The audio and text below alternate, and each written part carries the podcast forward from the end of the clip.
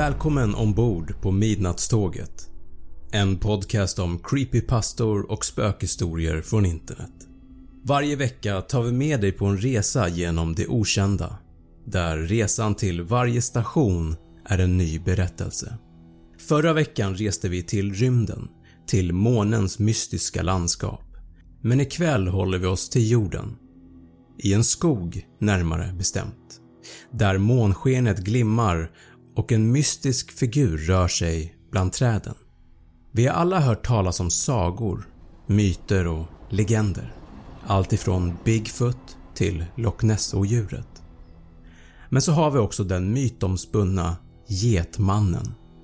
En gestalt, lång och mager med klövar som fötter, två stora svarta ögon och ur pannan sticker horn ut som en get.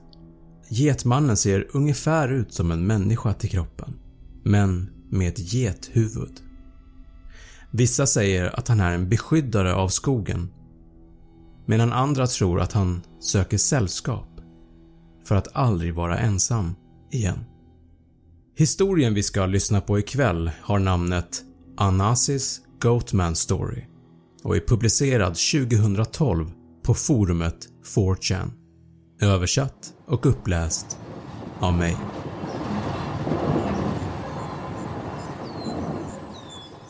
När jag var 16 år skulle jag åka och hälsa på min farbror och mina kusiner som bodde i Alabama i USA. De ägde en hel del skogsmark där och jag skulle åka dit för att kampa med mina kusiner. Jag är en storstadskille och inte riktigt van vid den typen av miljö. Mina kusiner brukade reta mig för det. Hur som helst. Vi samlade på oss mat och allt annat vi behövde för att klara oss ute i skogen ett par dagar. Men någonting kändes fel när vi kom till campingplatsen. Det var något i luften. Den hade en underlig elektrisk lukt. Jag vet inte riktigt hur jag ska förklara det. Vi tänkte inte så mycket på det utan vi packade upp våra saker och sen gick vi ner till en sjö för att bada i några timmar. Helt plötsligt kom en äldre man och hans son ut från skogen där vi var. Den äldre mannen hade en hagelbössa under armen. Han hälsade på oss och frågade vad vi gjorde så här långt ute i skogen. Jag berättade om min farbror som han verkade känna till och jag berättade även att vi var här ute för att kampa. Han sa åt oss att vara försiktiga och att hålla ihop. “Det finns ett stort djur i skogen” sa han. Sonen frågade sin pappa om han fick hänga med oss ett tag. Det var okej för oss och det var även okej för pappan. Några timmar senare spelade vi fotboll och hade det roligt tillsammans. Det var jag, fem av mina kusiner och fyra vänner till dem samt den nya killen, Tanner. Totalt var vi fem tjejer och sex killar. Alla var mellan 15 till 17 år gamla. När dagen började att närma sig sitt slut gick vi tillbaka till campingplatsen och började att samla ihop vedträ till en lägereld, även fast campingstugan hade ett kök. Tanner berättade att deras mark låg granne med min farbrors mark så han bodde inte långt härifrån. Han ville bara springa hem snabbt och fråga sin pappa om han kunde få kampa med oss över natten. Min ena kusin, Rooster, ville gå med honom eftersom det började att bli mörkt. En av tjejerna ville också gå med. Klockan var runt sju på kvällen nu och det började att bli rätt mörkt. De tog med sig ficklampor och började att gå mot Tanners hem. Resten av oss stannade kvar och chillade vid elden. Vi grillade marshmallows, drack och pussades med tjejerna. Runt 30-40 minuter senare kom den där lukten tillbaka igen. Lukten var starkare än elden vi hade framför oss. Den påminde om den där äckliga lukten man får i näsan efter att man har blött näsblod. Det luktade inte exakt som torkat blod men det var något metalliskt med den. Vi trodde att det var något med elektroniken inne i stugan, typ att någon glömt att stänga av en av spisplattorna eller något. Vi letade igenom stugan men hittade inget fel. Men ändå kände vi den där lukten. Helt plötsligt hörde vi flera fotsteg som närmade sig utanför stugan. Rooster, Tanner och tjejen kom springande mot oss, helt andfådda. De stannade inte ens för att hämta andan utan sprang bara rätt in i stugan. Rooster grät hysteriskt. En av kusinerna började att gå ut för att hämta in lite vedträ så att vi kunde värma upp stugan. Tanner skrek åt honom. “Nej, lås dörren. Ingen får gå ut.” Man kunde se på Tanners ögon att han också hade gråtit. Ögonen var svullna och blodsprängda. Han berättade att när de kom hem till honom så hade hans pappa gett han tillåtelse att kampa med oss men att han kanske skulle ta med sig ett jaktgevär för säkerhets skull. Tanner hade nämligen hittat en av deras grisar som de hade på gården helt söndersliten och halvt uppäten några dagar tidigare. De antog att det kanske var något stort kattdjur eller en varg men det var inte vanligt att de tog sig in på gården. Tanner hade gått upp på övervåningen och packat sina saker och sagt till sin pappa att han inte behövde geväret. Vargarna brukade undvika människor trots allt. Sen började de alla tre att vandra tillbaka till campingplatsen. Rooster hade nu äntligen slutat att gråta. Tjejen hade inte sagt någonting. Hon bara stod vid ett av fönstren och stirrade rakt ut. Tanner berättade att de hade hunnit ungefär halvvägs hit när de började att höra något inne i skogen. Det var nästan helt kolmörkt då så de kunde inte se vad det var. Tjejen sa att hon hade hört något i buskarna i kanten av stigen som de följde och alla riktade sina ficklampor dit. Då såg de någon stå i en liten glänta bland träden. Rooster sa att de skrek till honom att han är en idiot som försöker skrämma dem. Då insåg Rooster att personen stod vänd med ryggen mot dem. De vände sig om och fortsatte att vandra mot campingen samtidigt som de kände den där lukten i näsan. När de tittade in i skogen igen så stod personen närmare dem men fortfarande med ryggen vänd mot dem. De började att gå snabbare och Tanner tänkte “Jag skulle tagit geväret med mig”.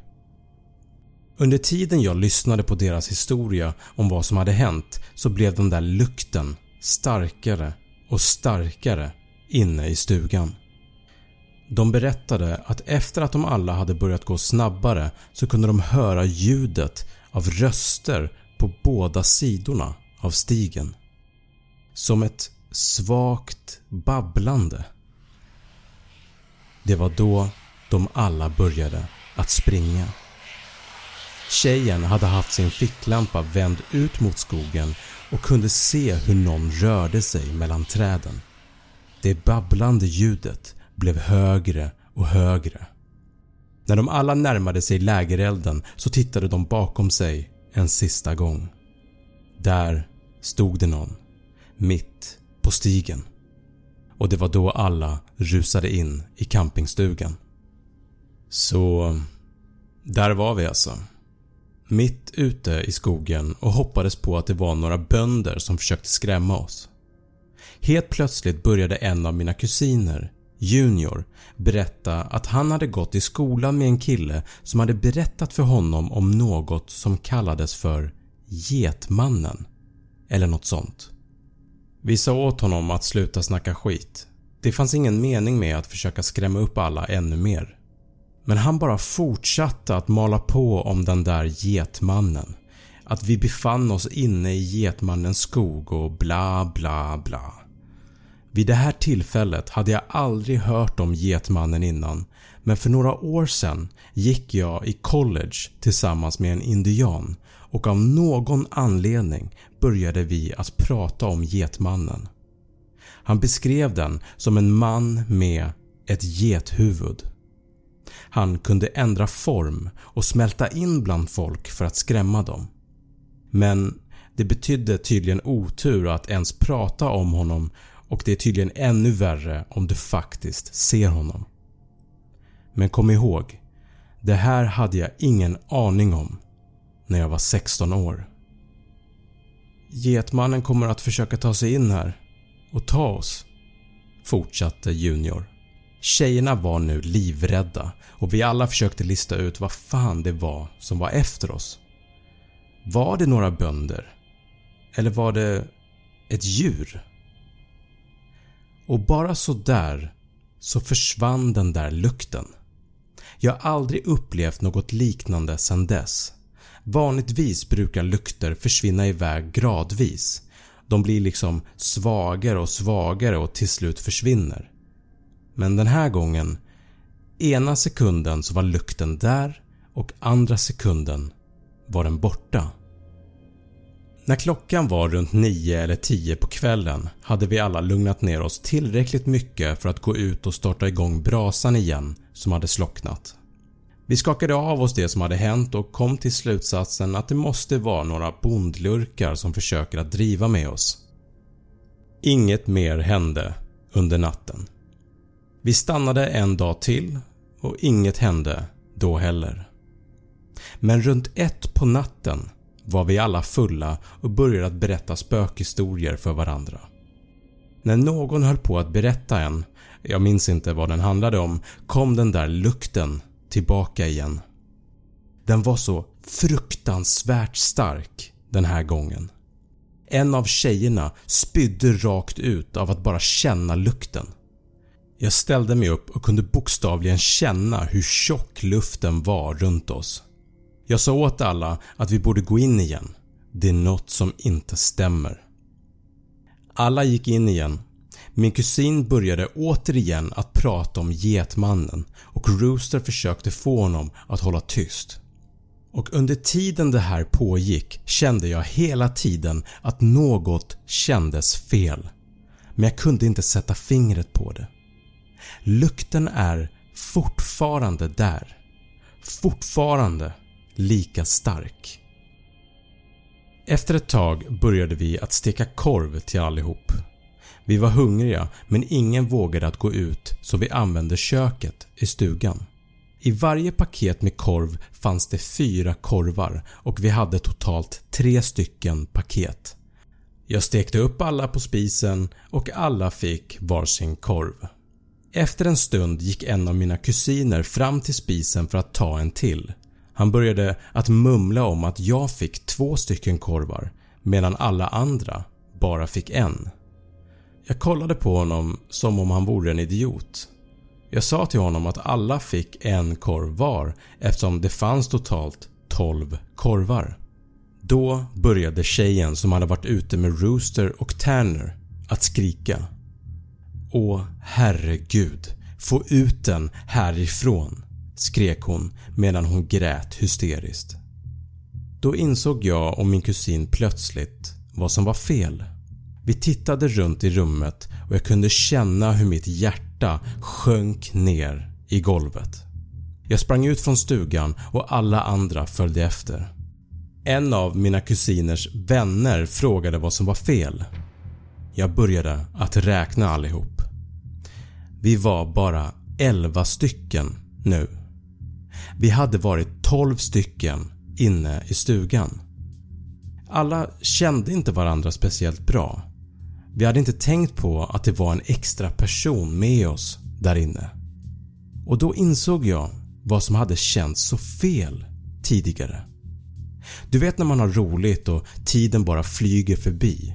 Man tänker inte på små detaljer och har inte koll på allting runt en. Jag är säker på att det hade varit en till person med oss inne i stugan som hade varit där minst hela jävla dagen. Umgåtts med oss. Ätit med oss. Ätit den där extra korven. Och det värsta av allt är att jag vet inte vem det är för jag tror inte någon av oss ens pratade med den personen.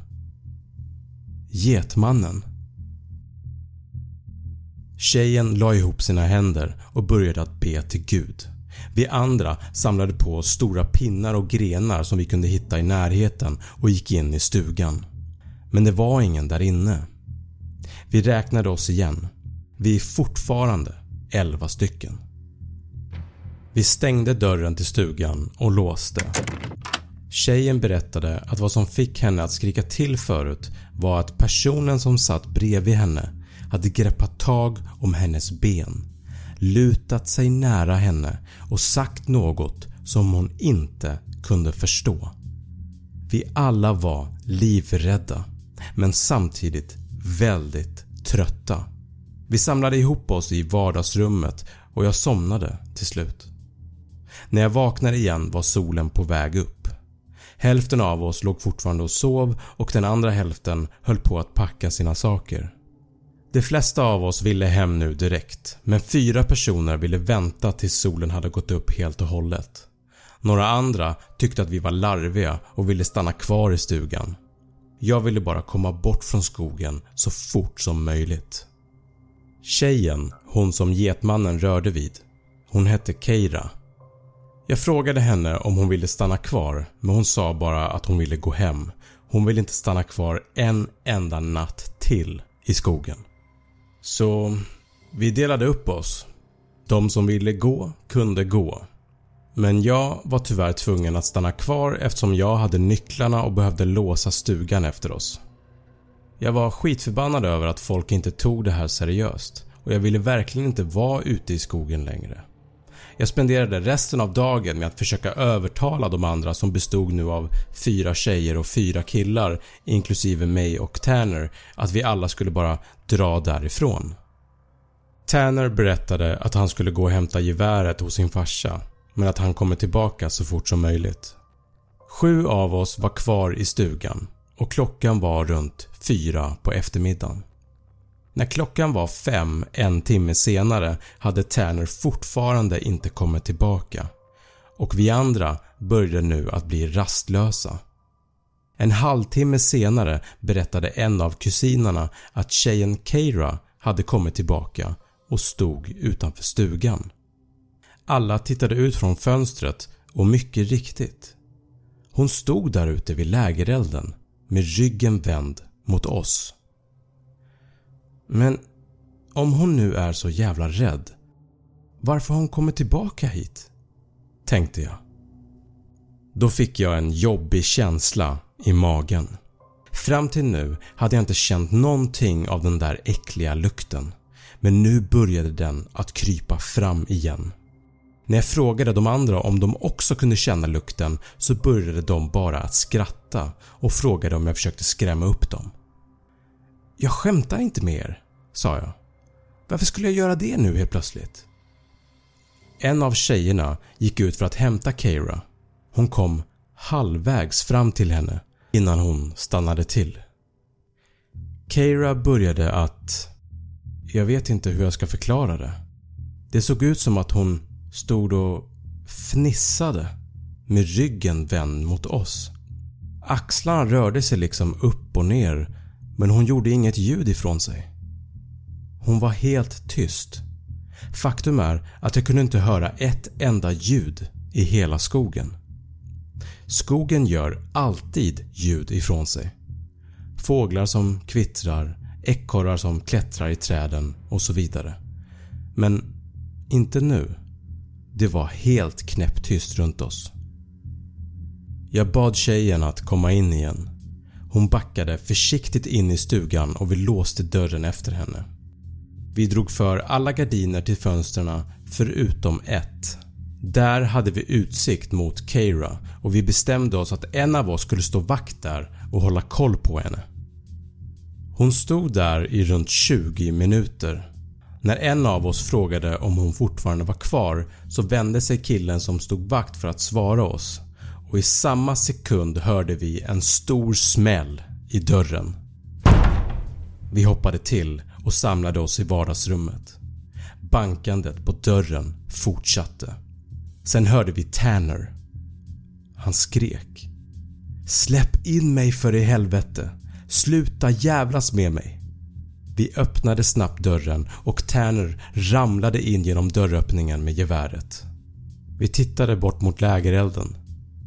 Ingen var där. Tanner berättade att när han närmade sig campingplatsen kunde han se en tjej stå vid lägerelden med ryggen vänd mot honom. Men det såg inte ut som Keira enligt honom. När han kom närmare vände sig tjejen mot honom och bara stirrade på honom samtidigt som hennes käke hängde slappt från underkäken. Hon följde honom med blicken när Tanner tog en omväg runt campingplatsen för att komma till stugan.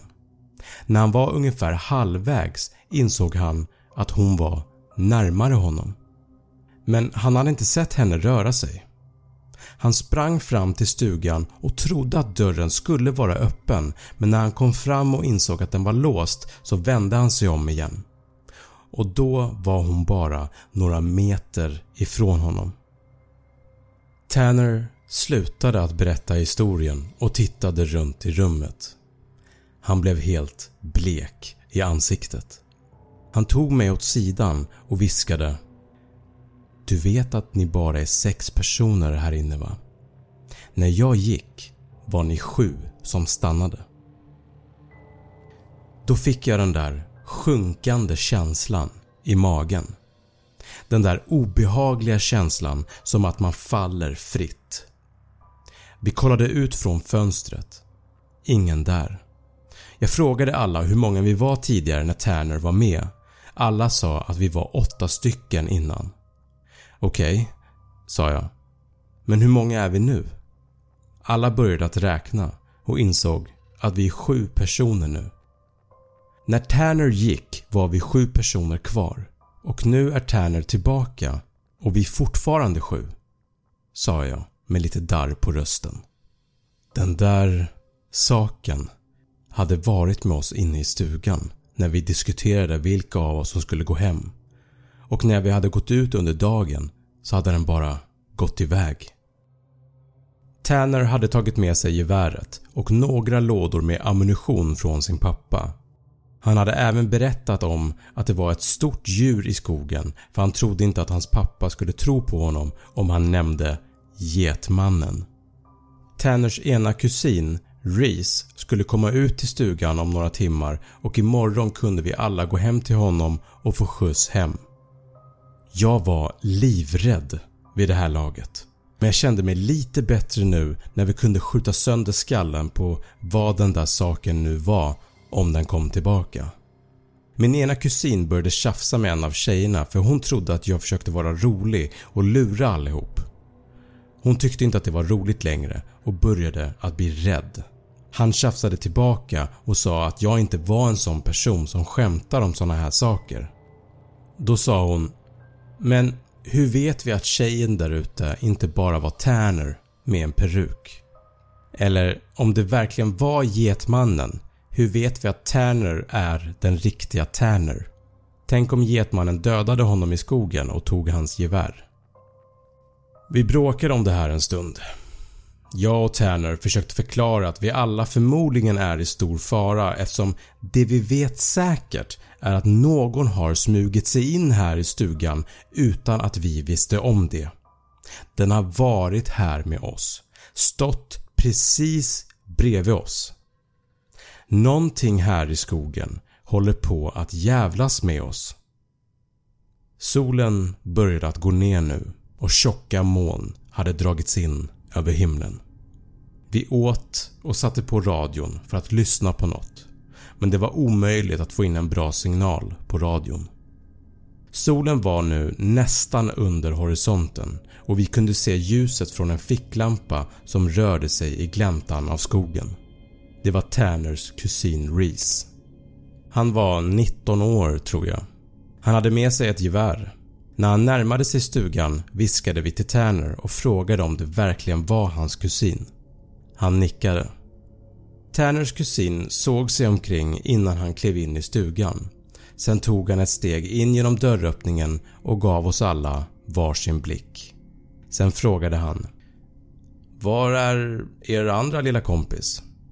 Jag trodde hon skulle möta upp mig vid stugan. Är hon lite långsam eller?” Han frågade också om vi hade kokat blod eller något för det luktade metalliskt hela vägen till stugan. Vi alla skakade på huvudet. “Vad pratar du om?” frågade jag. Han såg förvånad ut.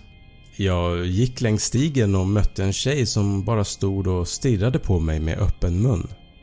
Jag frågade henne om hon kände er men hon bara stod där och glodde. Sen log hon mot mig och då fortsatte jag bara att gå, sa han. Reese berättade att hon gick långsamt efter honom. Han hade frågat om hon var skadad eller om hon behövde hjälp men hon hade bara stirrat på honom. Efter ett tag så hade stigen svängt och när han vänt sig om för att se om hon fortfarande följde efter så var hon borta. Jag antog att hon hade tagit en genväg hit eller något, sa han. Vi berättade allt vi hade upplevt för honom. Om lukten, om tjejen vid lägerelden, allt. Jag förväntade mig inte att han skulle tro på oss men han lyssnade och satte sig i en av sofforna.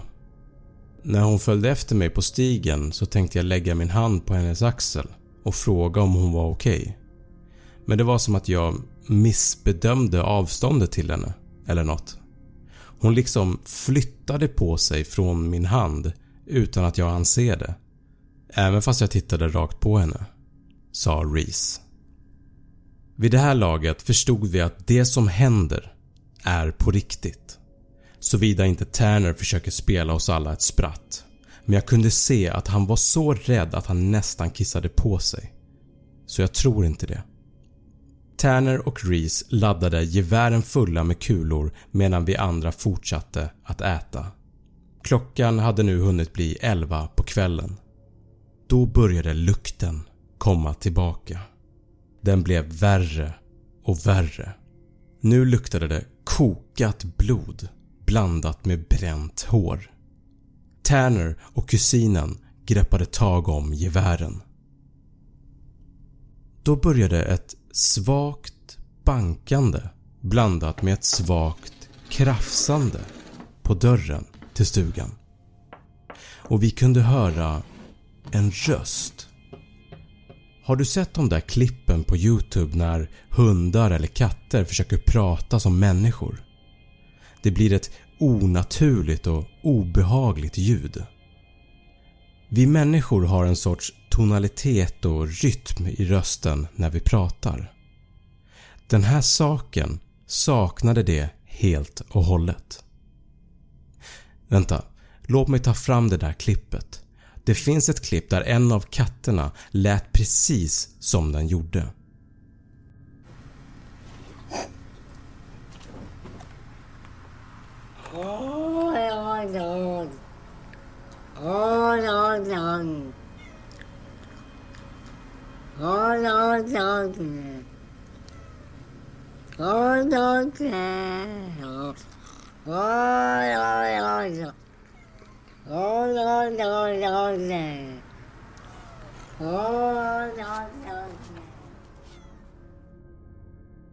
Förlåt för avbrottet men jag vill bara att ni ska veta hur jävla sjukt det lät.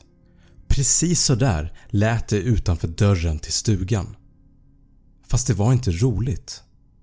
Rösten härmade det som Tanner hade sagt tidigare. “Släpp in mig för fan. Sluta jävlas med mig.”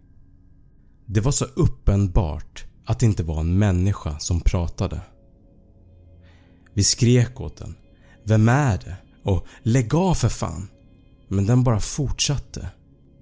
In. Släpp in mig för fan. In. Sluta jävlas med mig. I ungefär en kvart höll den på.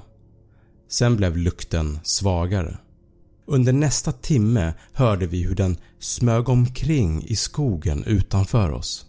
Men då och då kom den fram till dörren, krafsade lite och sa något med den där rösten.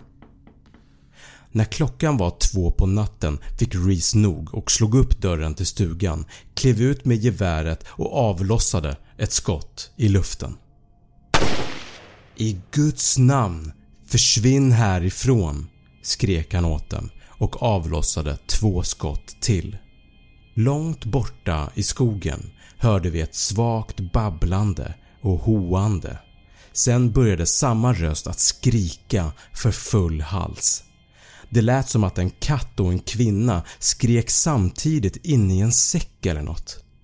Jag har aldrig hört något liknande i hela mitt liv. Buskarna i gläntan började att röra på sig och Reese avfyrade ett till skott mot den. Han sa att något kom krypande ut från buskarna och mot stugan. Han sköt igen och gick sen in och låste dörren. I cirka två timmar hörde vi hur den skrek där ute och smög omkring vid skogsgläntan men den kom inte nära stugan igen. Vi alla hade samlat oss i vardagsrummet. Vi låg i soffan, i fåtöljer och på golvet och även om vi var livrädda så var vi också dödströtta. De flesta av oss, inklusive mig själv, höll på att somna. Sen hände något, något som Tanner berättade till mig flera dagar senare. Alla hade somnat förutom Tanner som hade suttit i en fåtölj och övervakat dörren. Han var extremt trött och nickade till en stund när skrikandet där ute hade slutat. Då såg han någon komma ut från toaletten och lägga sig i mitten av golvet bland oss för att sova.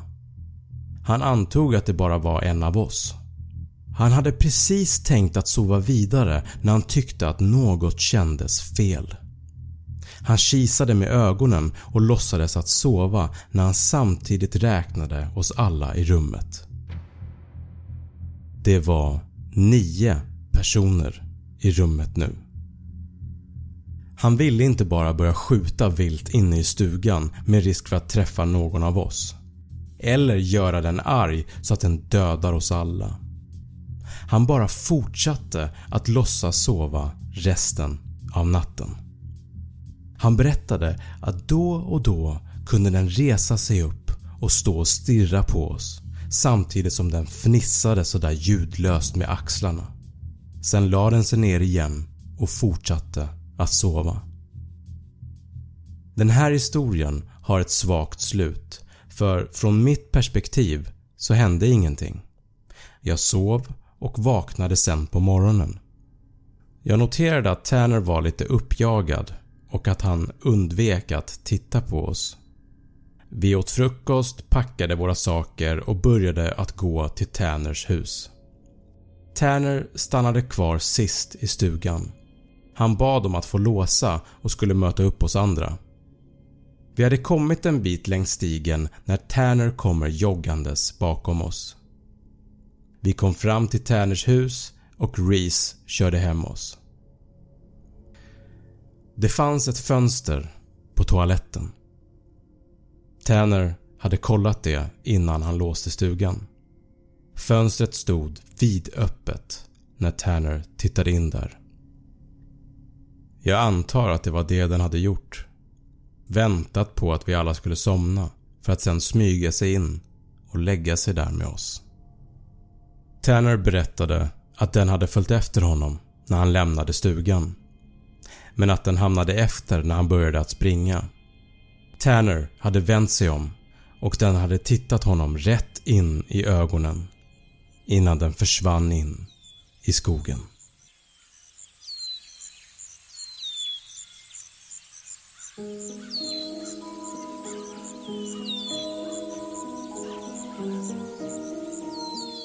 Det var historien Anasis Goatman Story publicerad 2012 på forumet 4chan. Det var bara en av ett flertal olika historier som finns om Getmannen.